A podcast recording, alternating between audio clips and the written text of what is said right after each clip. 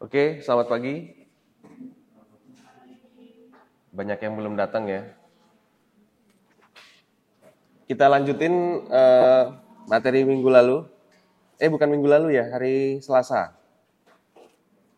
Kita terakhir bicarain ini pandangan Derrida tentang negatif teologi. Ada tiga tawaran dia di sini, denominasi itu melampaui posisi, kemudian eh, negasian atas suatu cara yang dianggap sudah appropriate, padahal itu kemudian menjadi obstacle kita untuk berpikir. Kemudian dalam konteks performatif, pragmatik dan fungsi liturgi, bahasa agama memang menjadi perhatian yang besar bagi Derrida dan itu menjadi objek ketika ingin menerapkan negatif teologi ini. Dan eh, di sini ada gagasan Derrida tentang messianic should be understood as free from apopantic determinability. Itu artinya apa?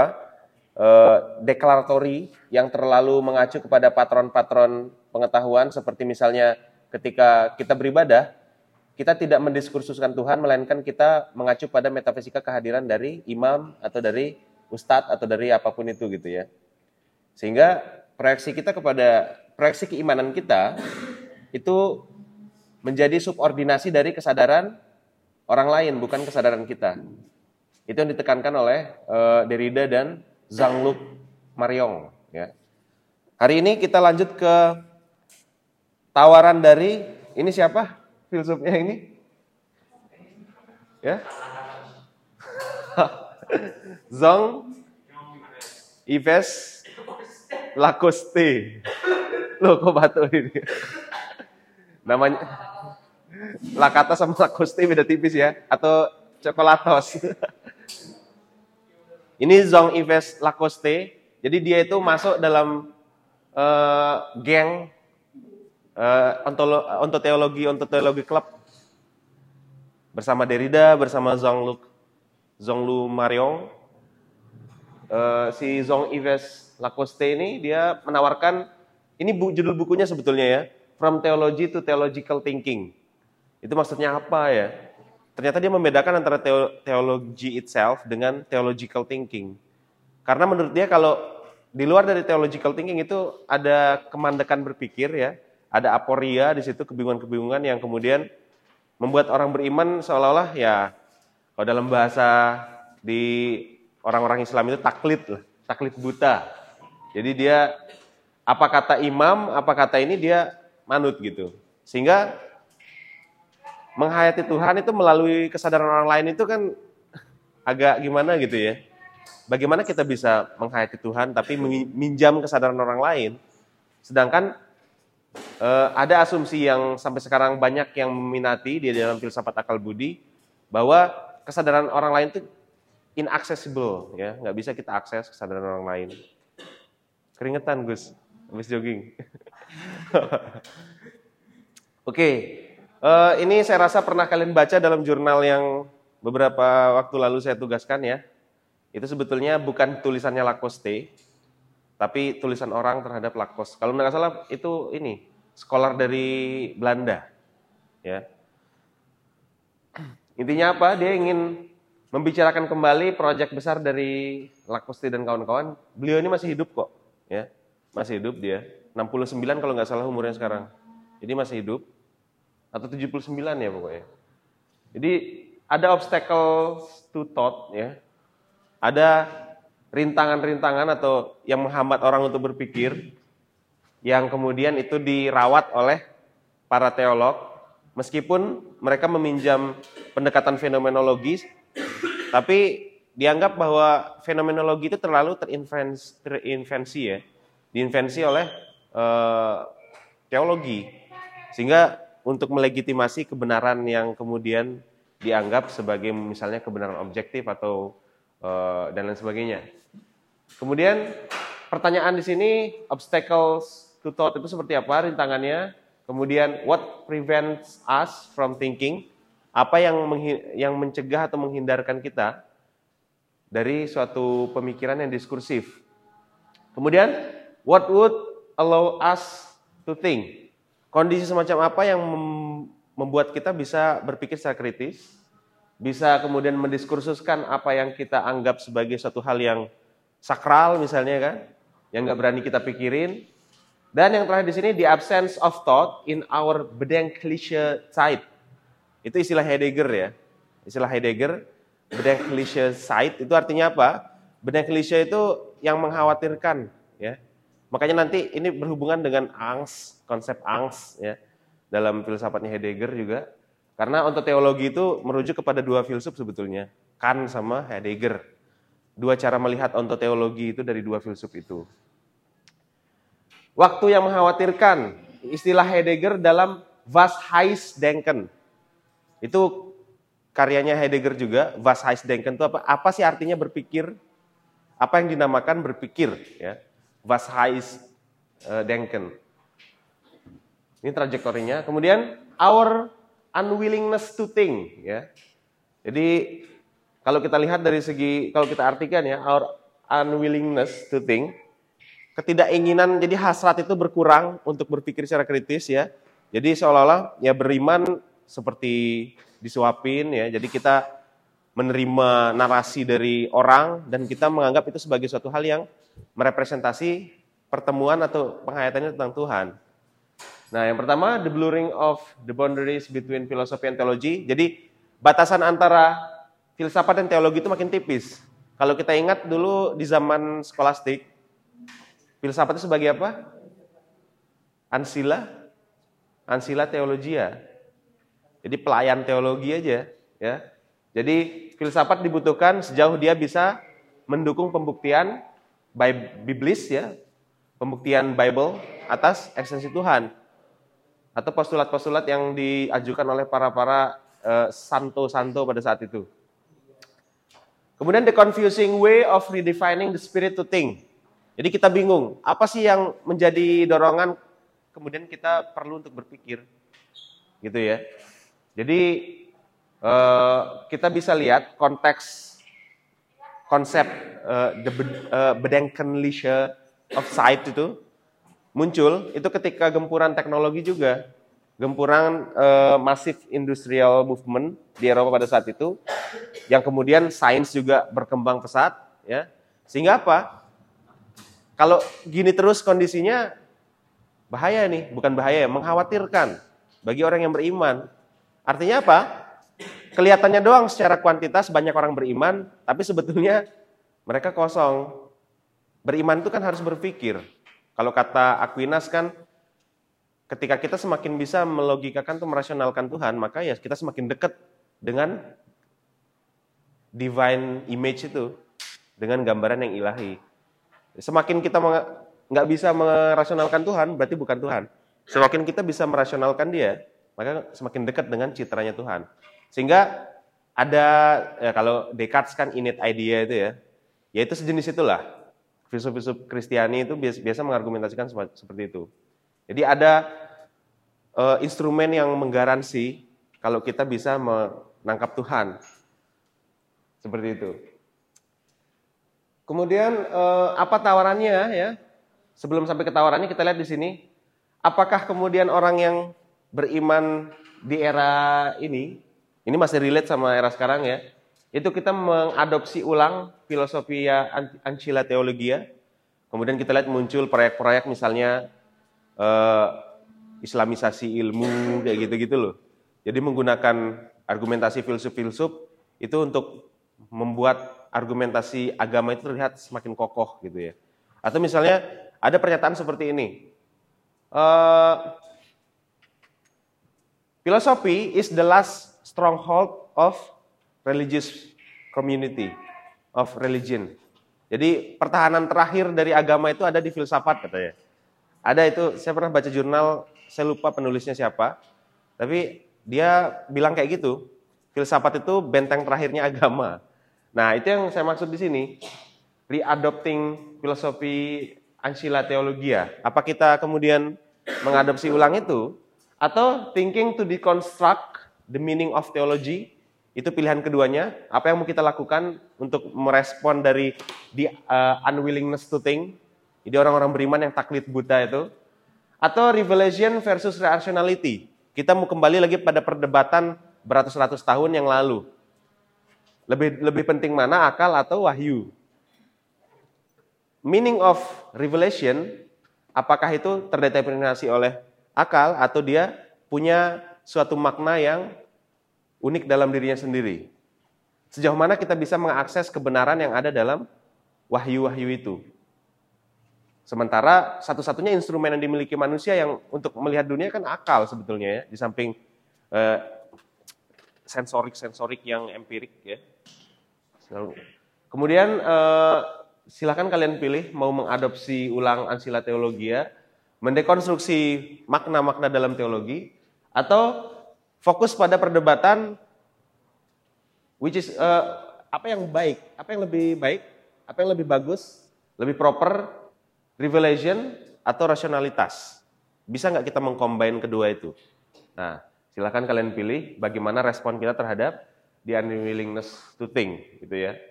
Kemudian uh, spirit to think, spirit to think ini artinya bagaimana semangat zaman orang untuk berpikir, ya. Reopening the event of truth through hearing, ya. Yang pertama, uh, ini tawaran dari Lacoste ya.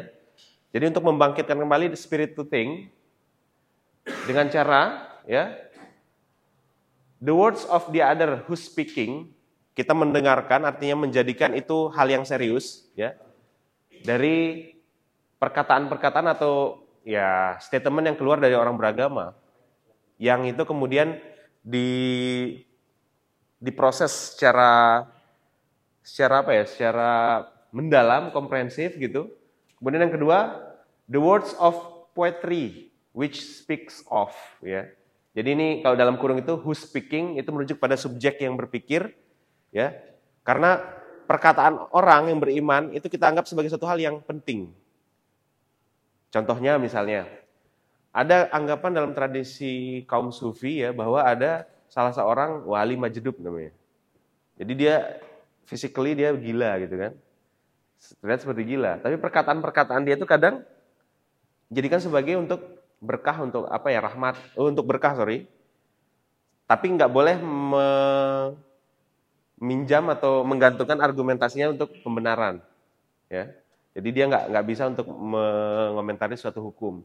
Nah di situ berarti kita melihat orang yang beriman itu unik dalam mengekspresikan pengalaman batinnya terhadap Tuhan nah itu yang kemudian who's speaking Kemudian the words of poetry which speaks of artinya orang yang beriman itu seperti poetry ya.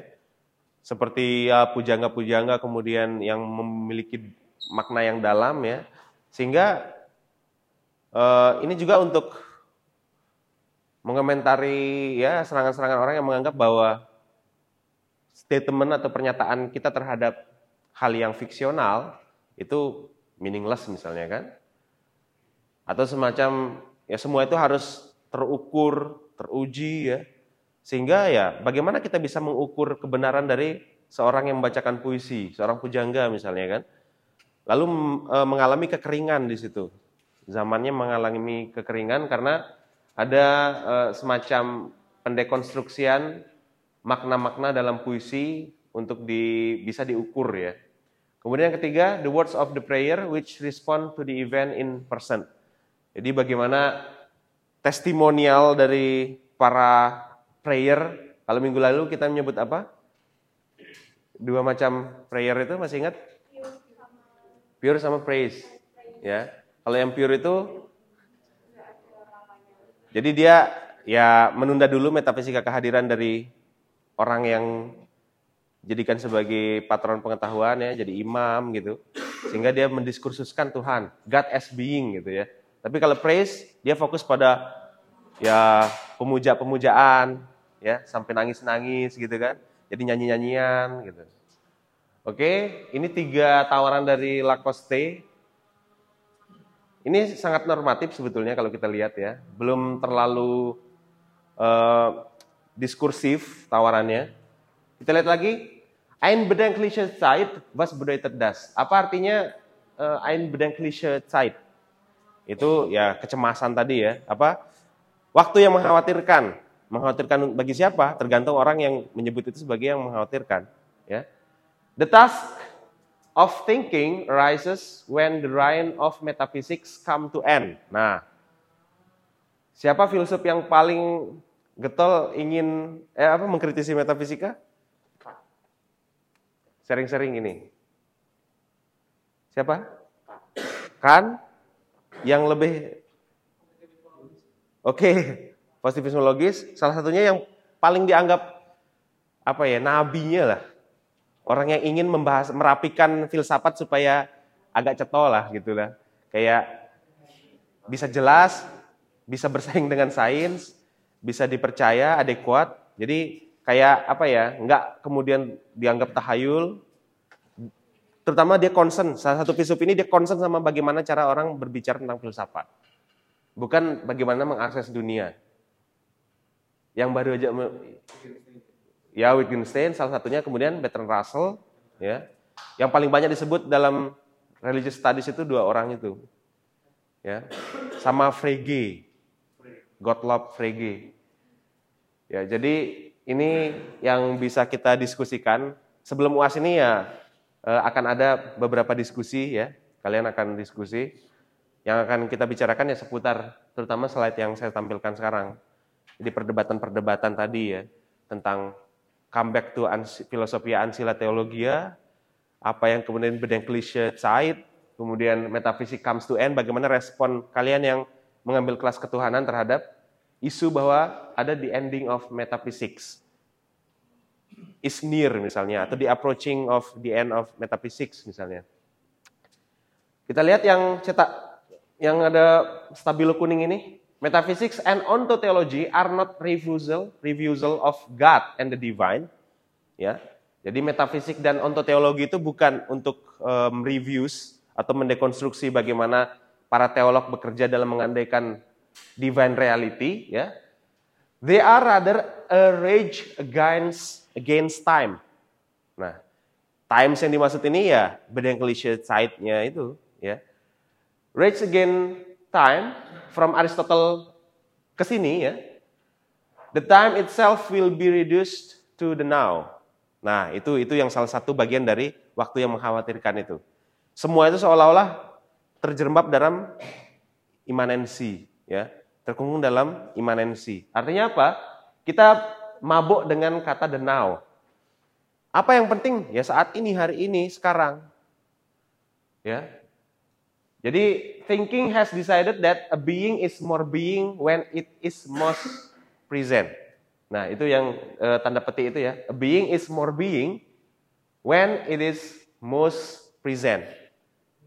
Jadi the truly being ya, itu adalah tergantung dari bagaimana kita bisa memahami dia present atau enggak, ya. Nah, present ini kan suatu bagian dari modus eksistensial ya, Eksistensi itu kan artinya X.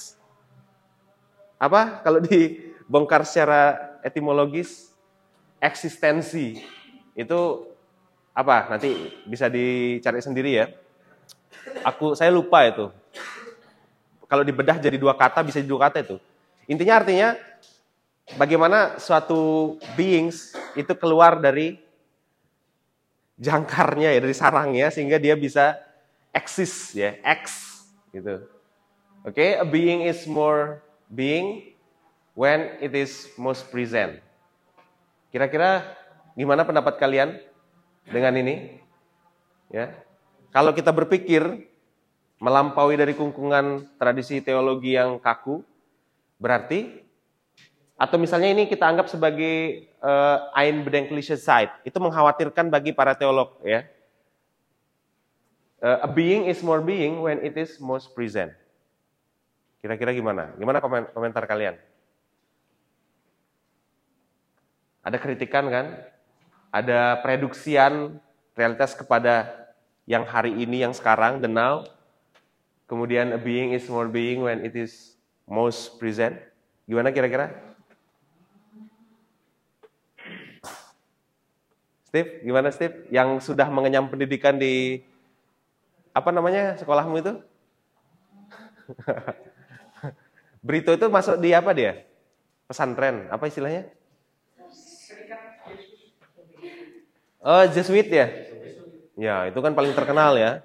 Kalau di Katolik, Jesuit itu ya para filsuf lah isinya kan. ya?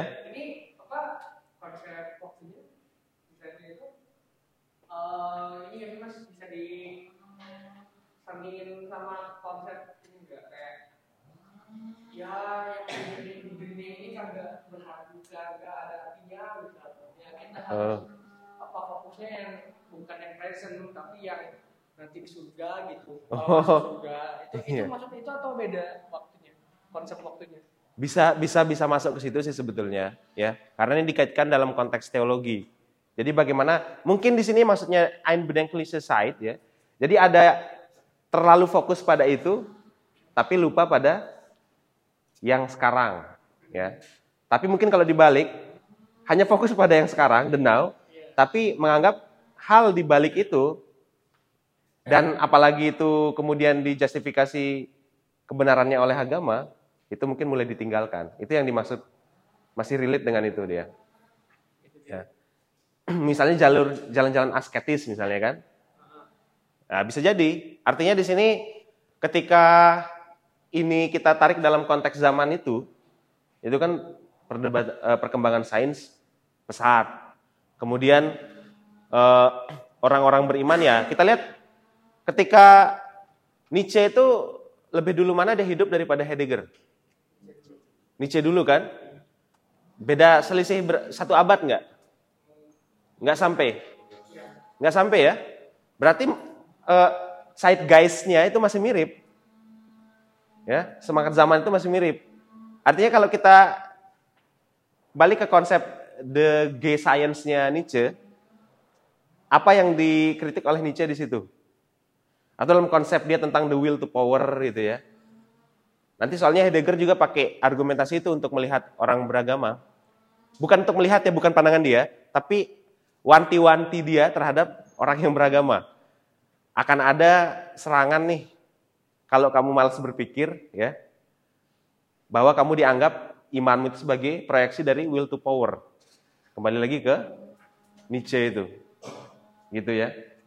Oke, kita lihat eh, slide berikutnya. Was heißt denken? Ini eh, merujuk pada Heidegger. Apa sih maksudnya kemudian Bedenklichen Zeit ketika dikaitkan dengan eh, denken? Denken itu berpikir ya. Dalam bahasa Jerman. Was heißt denken? Heißt itu name. Apa sih sebetulnya yang dinamakan dengan denken? Dimaksud dengan denken. Yang pertama, ini analogi aja. Typewriting, eh, mesin dulu kan masih ada mesin tik ya. Itu prevent us from thinking. Ya ini kita mikir-mikirin lah. Ketika kita mengetik itu, di sini kalian ada yang nggak yang, yang lebih suka nulis daripada mengetik? Ketika menulis itu mungkin kalau saya ya, ketika menulis itu lebih cepat masuk rasanya. Jadi setiap goresan itu kita menentukan. Karena kalau dalam filsafat teknologi, ekstensi kita tidak termediasi oleh pihak ketiga itu. Hanya termediasi oleh, ya bukan termediasi sih. Artinya dari otak diperpanjangkan tangan fungsi, di- diperpanjangkan fungsinya melalui tangan. Kalau typewriting ini kan sebetulnya per- mediasi jari, perpanjangan fungsi jari ke dalam bentuk teknologi, ya. Sehingga kalau argumentasi ya misalnya kayak Don Ihde itu ya, bahwa ini, ini sebetulnya nggak mereduksi manusia, tapi memediasi kemanusiaan kita. Nah, tapi di sini prevent us from thinking, silahkan nanti dipikirkan apa maksudnya. Apakah benar mesin tik itu mencegah kita atau e, membuat kita malas berpikir? Kemudian abbreviation, singkatan-singkatan, prevent us from dwelling in language. Jadi kita menyingkat-nyingkat ya. Dulu ada, eh, bukan dulu sih sekarang masih ada. Kalian pernah nggak diajar sama dosen? Pikirkan sendiri siapakah beliau. Dia kalau nulis di papan tulis itu selalu disingkat-singkat. Jadi misalnya dia bilang "Eh, Ramos baru datang jam 8 lebih 5. Itu disingkat R, B, D, gitu-gitu. Jadi kamu ketika mau nyatet itu blank. Nggak tahu ya. Jadi tulisan di papan tuh banyak, tapi pakai singkatan semua. Misalnya kemanusiaan yang adil dan beradab. K, Y, A, gitu-gitu. Jadi kita pusing kan? Nah, it prevent us uh, from dwelling in language. Kemudian newspaper. Sekarang kalau yang dijual di perempatan itu berita yang berita yang aktual, maksudnya berita yang masih hari ini masih hangat atau berita yang sudah seminggu yang lalu? Banyak iklan ya. Oke, jadi ini prevent us from looking beyond present. Jadi uh, paper news apa itu ya? Jadi kita mabuk dengan now. Jadi yang paling penting itu yang kita anggap ya hari ini. Tapi hati-hati dalam teolo, dalam agama umat beragama ada yang menganggap seperti itu. Buddhisme misalnya, Konfusianisme. Bagaimana yang paling penting itu adalah hari ini. Surga neraka itu bukan ada di akhirat nanti, tapi sekarang. Nah, Gimana? Ramos kayaknya pernah mengalami neraka setiap hari. Oke, ini nanti kalau tertarik silahkan baca sendiri teks Was Heis Denken itu akan menjelaskan bagaimana maksud Heidegger tentang uh, Ein Bedenkliche Zeit ya. Jadi apa sih yang dimaksud dengan waktu yang mengkhawatirkan itu? Tapi ini saya rasa banyak mengilhami para filsuf-filsuf teori-teori kritis ya tentang bagaimana the importance of leisure ya, the importance of waktu luang gitu ya. Seperti itu. Oke, kita next slide. Ini apa maknanya? Gambar ini? Transformasi. Peralihan lah ya. Dari yang pertama, makanya saya uh, pernah nanya kan. Ini nanya, nanya lagi deh Kenapa kita masih tetap beriman padahal banyak alternatif lain yang bisa kita cek, bisa kita up, upgrade, bisa kita ukur. Artinya kan kalau kalau di agama kan kita nggak nggak seperti di sains lah. Kalau di sains kan misalnya kita nggak puas dengan argumentasi pemikir ini dan ketidakpuasan kita itu kan ada landasannya. Jelas, bisa kita ukur, bisa kita uh, rasionalisasikan. Tapi kalau dalam agama ketidakpuasan kita kepada ustadz satu dengan ustadz yang lain? ya, beda cara kerjanya. Sehingga ada transformasi seperti ini ya. Ya bisa jadi. Dan itu memang terjadi ya. Peralihan dari agama ke sains. Seperti yang diprediksi oleh misalnya Agus Kom dan lain sebagainya ya. Tapi memang seperti itu. Seperti misalnya The Four Horsemen itu. Ya arah-arah mereka ke situ sebetulnya. Tapi ya kalau kita lihat ateis pasif dan aktif itu kan beda ya. Kalau yang aktif itu baterainya alkalin, kalau yang pasif yang aktif itu jadi dia benar-benar gini loh. Atau misalnya absolutis ateis. Jadi dia benar-benar sampai kapan pun aku nggak akan percaya Tuhan. Dia menutup ruang untuk adanya pengungkapan kebenaran dari instrumen apa pun itu selain sains ya. Tapi ada filsuf kayak Richard Dawkins itu dia bukan absolutis. Ya. Dia disebut sebagai agnostik uh, teis, ateis. Jadi ada tegangan antara dia mau jadi agnostik atau menjadi ateis. Dia bilang gini, saya tetap tidak percaya Tuhan, tapi kalau suatu ketika ada instrumen yang bisa membuktikan dari Tuhan, dan itu bisa saya terima, maka saya bisa jadi bertuhan. Ya kayak perjalanannya Jordan Peterson lah, yang sekarang jadi jadi pendeta nggak dia sekarang ya? Jadi kayak alim banget dia sekarang. Alim bukan alim ya soleh dia. Jordan Peterson. Jadi dia banyak mengasih motivasi tentang bagaimana dia menemukan Tuhan gitu-gitu. Nah, oke okay, kita next. Nah, ini kita masuk ke apa sebetulnya ontoteologi itu, ya. Ontology means the ontology of God or the ontology of being. Jadi di sini ketika kita mencari basis ontologis dari keberadaan Tuhan, berarti kita yang memposisikan Tuhan sebagai being. Ya. Dalam hal ini bisa jadi argumentasi kita atau pernyataan saya bahwa kita koeksis dengan Tuhan itu bisa karena kita meng mengasumsikan Tuhan sebagai being. Ya. Nah, untuk teologi itu mengacu pada dua tokoh ini. Pada Kant ya, dan pada Heidegger. Merujuk pada Kant, ontologi mendeskripsikan ya sejenis teologi yang tujuannya untuk mengetahui eksistensi Tuhan tanpa mengacu pada skriptu, skriptual skriptual, pada skrip-skrip ya. Atau natural revelation ya. Jadi untuk teologi itu ya eh, cara orang bertuhan tapi lebih lebih apa? Lebih proper, lebih elegan lah ya. Kemudian ini berkaitan dengan quote yang paling terkenal dari Kant apa? Sapere? Sapere aude gitu ya. so, seeking, conceiving, understanding, and comprehending ya of God, kita memahami, kita mengkonsepsikan, kita mencari Tuhan dan memahami Dia dalam aktivitas berpikir kita, itu adalah tugas utama dari penalaran ya. Ya, jadi uh, mungkin saja ya through mere concept of reason alone.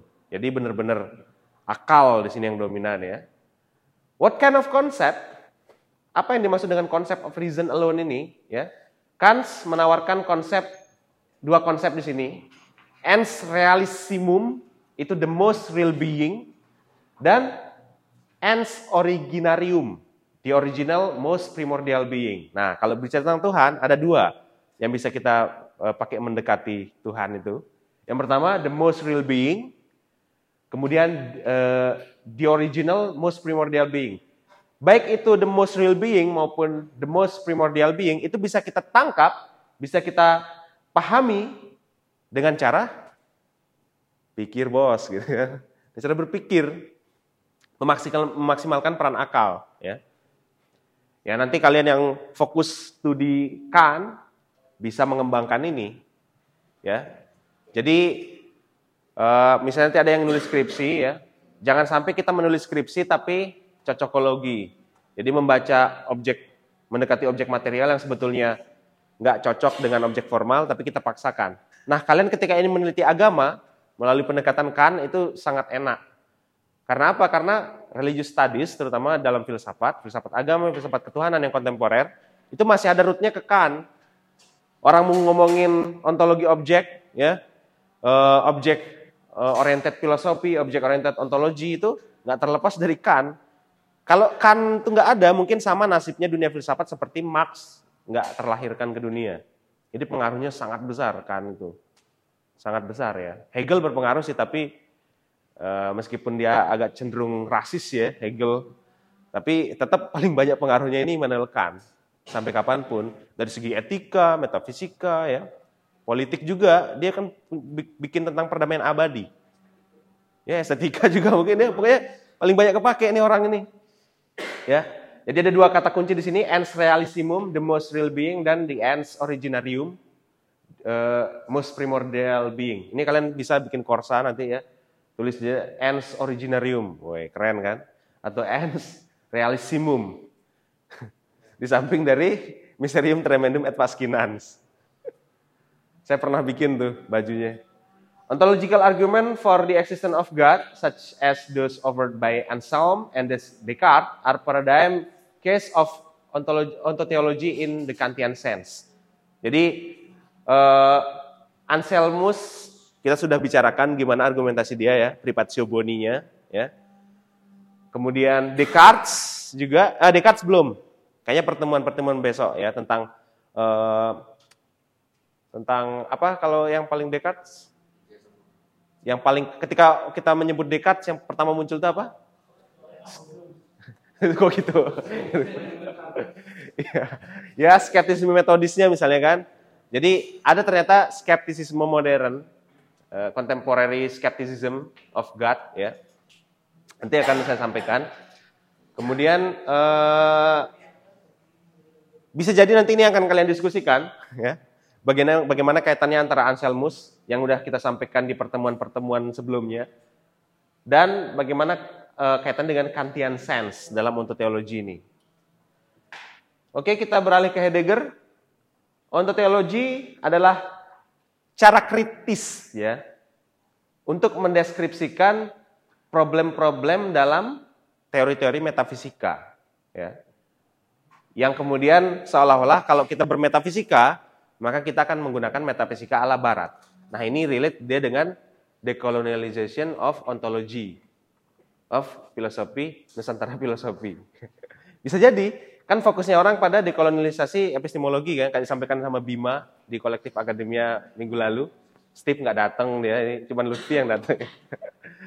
ya, presentasi tentang dekolonialisasi epistemologi Nusantara, tapi juga bisa kita mendekolonialisasi decolonizing ontologi bisa. Nah, ini ini berkaitan dengan uh, itu apa? Uh, kalimat yang paling atas ya. Uh, the characteristic of western philosophy in general ya. Jadi itu yang pengen dia uh, rapikan oleh Heidegger karena apa? Metafisika itu salah satu senjata pamungkas untuk menjelaskan realitas. Ya, kita bisa menguniversalkan suatu pandangan tentang being misalnya, ya. Eh, salah satunya itu. Kemudian metaphysics is an ontotheology. Kita bisa menyamakan ontoteologi itu sebagai metafisika. Artinya apa? Artinya beragama itu nggak bisa meninggalkan metafisika. Ya, kita bisa menyebut metaphysics is an ontotheology sejauh dia bisa menjelaskan ya atau bagaimana dia kemudian berkepentingan untuk menjelaskan ultimate reality yang kemudian terdiri dari dua forma umum, dua bentuk yang general, yaitu metaphysical explanation yang kemudian e, mengarah kepada membuat e, realitas itu seintelligible mungkin, ya, dan bisa kita pahami atau masuk dalam human uh, understanding. Ya. Artinya apa? ultimate reality yang dibicarakan oleh kaum Perenis itu mungkin terlalu abstrak ya. Kita lihat Plotinos dengan teori emanasi, kemudian uh, para filsuf-filsuf, terutama dalam tradisi filsafat Islam ya, yang kemudian kayak Ibnu Arabi dengan uh, gradasi realitas ya, ada hierarki realitas gitu. Ya. Nah, hal-hal semacam itu, itu kemudian dibuat supaya lebih intelligible dalam uh, bisa kita semakin lebih mudah kita pahami gitu ya. Jadi sehingga nggak terlalu mengawang-awang seperti itu. Tapi sebetulnya masih mengawang-awang sih juga ya. Kalau kita kaitkan dengan uh, apa uh, tolak ukur sains misalnya.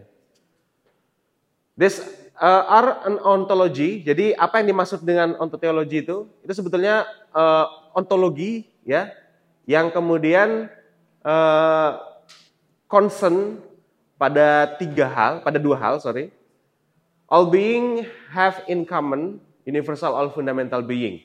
Jadi setiap yang ada ya, all being itu punya suatu cara mengada yang common ya. Sehingga kita bisa menemukan ada namanya fundamental being di situ ya. Kemudian yang kedua, a theology that accounts. Jadi untuk teologi itu adalah teologi yang uh, mengkaji atau fokus atau memperhatikan tentang Eh, bagaimana kita bisa mengatakan suatu system of being itu sebagai suatu hal yang intelligible, ya. Bagaimana orang yang bertuhan bisa menangkap proses penciptaan, ya. Kemudian bagaimana koeksistensinya dengan Tuhan, bagaimana kita bisa memahami itu, ya. Dan itu sebagai beings as a whole. Ini tentu saja ada tendensi-tendensi monis, ya, bahwa being as a whole, ya. Seperti Arthur Baruch, Arthur Baruch Spinoza juga everything is in God misalnya. Dan hal semacam itu itu selalu ada dalam perdebatan uh, ketuhanan. Meskipun kita ada kreasionisme versus evolusionisme misalnya, tapi yang menganggap bahwa everything is in God itu juga sampai sekarang masih relate. Inilah salah satu contohnya ya.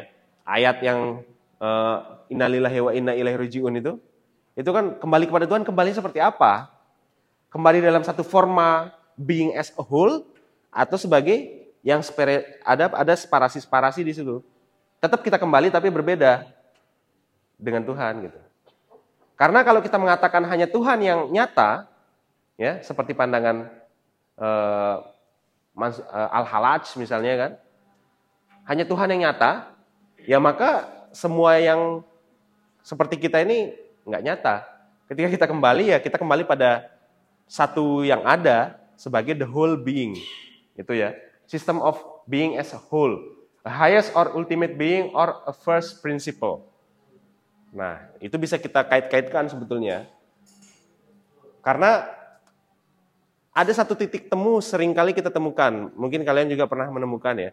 Kayak misalnya dalam teologi Kristiani, teologi Islam, teologi Yahudi. ternyata ada esensi yang kemudian dibahas dan itu mirip. Nah, kalau dalam Fritjof Schuon, itulah yang disebut sebagai the transcendental unity of religion. Ya, pembahasan yang esensial tentang pembahasan tentang monisme, ya, tentang panteisme dan lain sebagainya. Oke, ini terakhir, slide terakhir. Platonic metaphysics is a paradigm case of ontology in the Heideggerian sense, in, in, in Heideggerian sense, insofar as it explains. Jadi metafisika platonik, ya, itu bisa menjadi salah satu case ya untuk kita lebih mudah memahami untuk teologi. Silahkan tengok kembali bagaimana ideal forms itu bekerja, ya. Itu berguna untuk memahami untuk teologi. Dan itu bisa nyambung dengan konsepsi Heidegger, ya. Kalau kita tarik ontologi dalam pandangan Heidegger, ya. Sejauh dia menjelaskan yang pertama the existence of particular beings by resource to universal forms. Artinya kita memahami particular beings itu karena kita mengacu pada ideal forms, pada universal forms ya, tentang suatu argumentasi pamungkas untuk menjelaskan apa saja yang ada, kenapa suatu itu ada, bagaimana dia mengada, ya. Apakah dia ada dalam rentang awal dan akhir, bagaimana kaitannya dengan waktu, seperti itu. Dan yang kedua, explains the origin and intelligibility of the whole as being. Ini mirip seperti ya everything is God itu. By resource to the good as that from which everything else emanat, emanates, emanates ya. Teremanasi. Itu maksudnya yang kedua ya. Jadi yang pertama sejauh itu bisa kita katakan uh, metafisika platonik itu bisa kita katakan relate dengan ontologi dan juga dengan ontologi dalam konteks Heidegger jika dan hanya jika dia uh, menjelaskan dua hal ini. Yang pertama, menjelaskan bahwa eksistensi dari particular beings itu sebagai uh, hal yang dicapai dengan cara mengacu kepada universal forms. Dan yang kedua, menjelaskan tentang bagaimana uh, hakikat dari the whole of beings itu ya dengan mengacu pada misalnya teori-teori emanasi. Itu saja kalau platonik, metafisika platonik ya yang dijelaskan oleh Plotinos ya, teori-teori emanasi itu. Nah, jadi uh, teologi ini sebetulnya ingin uh, merapikan ya. Jadi pembahasan mendiskursuskan Tuhan itu dirangkum dari metafisika Plato diambil, kemudian dari konsep-konsep mendasar orang bertuhan misalnya yang everything is in God, misalnya dari Spinoza diambil, kemudian dari Anselmus juga diambil ya. Jadi ibaratnya mereka ingin uh, menghadirkan suatu pendekatan yang bisa mengkoneksikan setiap generasi dalam tradisi filsafat barat itu. Ataupun filsafat secara general ya. Oh, masih ada ternyata. Dua lagi.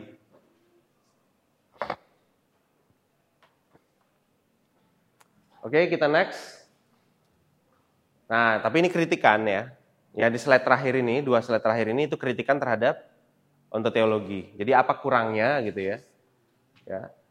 Heidegger pun mengkritisi ini ya. Apa kritikannya? Bahwa ontologi it is uh, it is driven by a desire to master reality. Jelas ya ciri khas Eropa, ciri khas filsafat kontinental, ingin mengakuntansikan realitas, menjadi akuntan realitas gitu.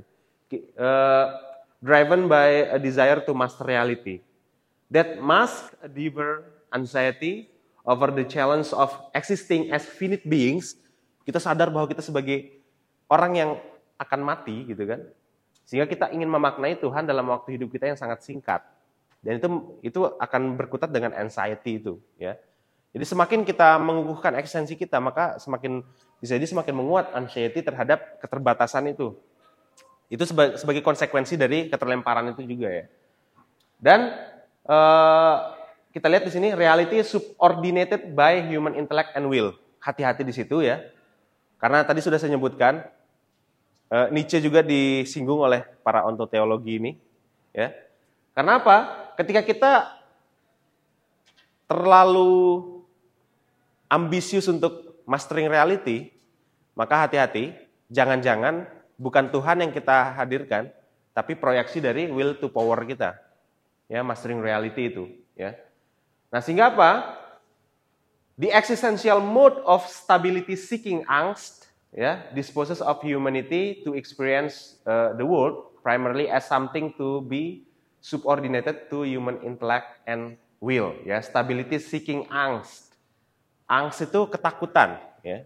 Pada dalam bahasa Jerman itu misalnya uh, ich habe ein angst mit uh, hantu misalnya kan. Jadi ketakutan ketakutan akan keterbatasan dan kesingkatan hidup yang bisa dibilang ya sangat singkat. Kita sadar sebagai finite creatures ya sehingga kita ingin memaknai dalam rangka waktu yang singkat tuh kayak orang gini lah. Kalian ujian atau misalnya ketika apa ya e, contohnya misalnya saya lempar uang misalnya di sini kan. Saya saya kasih waktu lima menit. Pasti yang akan terpikir kuantitasnya kan artinya cepet-cepetan gitu kan.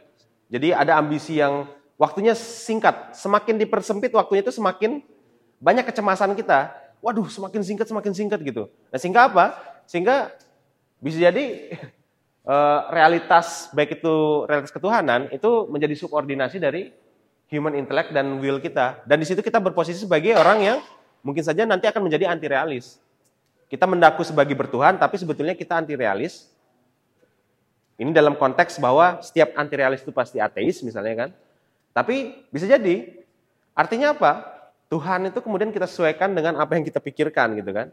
Dan itu menjadi subordinasi dari human intellect dan will kita. Oke, okay, ontology within its pure view, the reality is reduced to what can be calculated, ya, yeah, measured and manipulated. Artinya mastering reality seperti uh, ya apa ya uh, ambisi para metafisikus kan ingin membangun satu theory of everything untuk menjelaskan being itu, ya. Nah sehingga uh, itu bisa kita kaitkan dengan slide yang ini ya. Ontology within its pure view, the reality is reduced to what can be calculated. Jadi kita bisa uh, ketahui bagaimana fondasi fondame, uh, foundational of being-nya, ya Kemudian kita bisa mengkalkulasi, bisa mengukur, bisa memanipulasi ya. Oleh sebab itu beings are understood predominantly as consumable resources.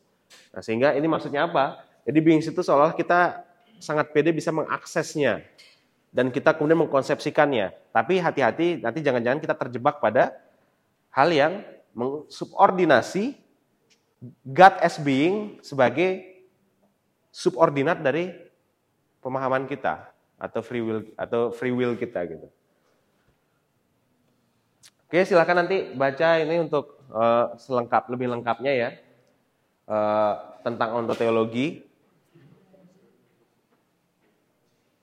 Dua jurnal yang bagus dari Matthew Haltman dan yang bawah ini yang kalian nggak suka itu ya, yang karya Switchver itu nama orang Belanda lah itu kalau ada JJ-nya itu. Schriftver. Ya. Thinking despite everything on knowing God and the common concern of philosophy and theology. Oke, sampai di sini kayaknya ini uh, terakhir ya. Kita masih ada pertemuan berapa kali lagi? Masih berapa? 6 ya? Oh berarti kalau untuk total jumlah di sini berapa? Jumlah kalian jumlahnya berapa? Lebih banyak daripada kelas siang pokoknya ya. Kalau dibagi jadi kelompok, jadi berapa ya? Kita sisakan tiga pertemuan di akhir lah ya. Itu untuk diskusi. Jadi masih ada dua, enam pertemuan lagi. Delapan pertemuan? Serius? Was. Delapan ya? Oh masih banyak, berarti diskusi-diskusi lah itu ya, banyak-banyak.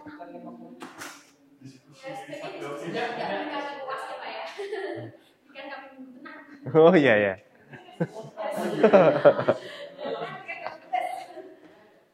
Oke. Sampai di sini ada yang mau disampaikan? Ya itu saja Pak. Oke.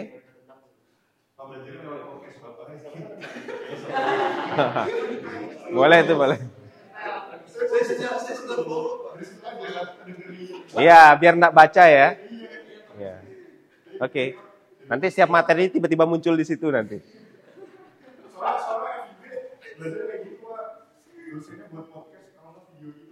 Oh ya. Oke, nanti kalian hati-hati aja. ya. Akan menjadi narasumber podcast saya nanti. Oke, thank you. Kita cukupkan sampai di sini.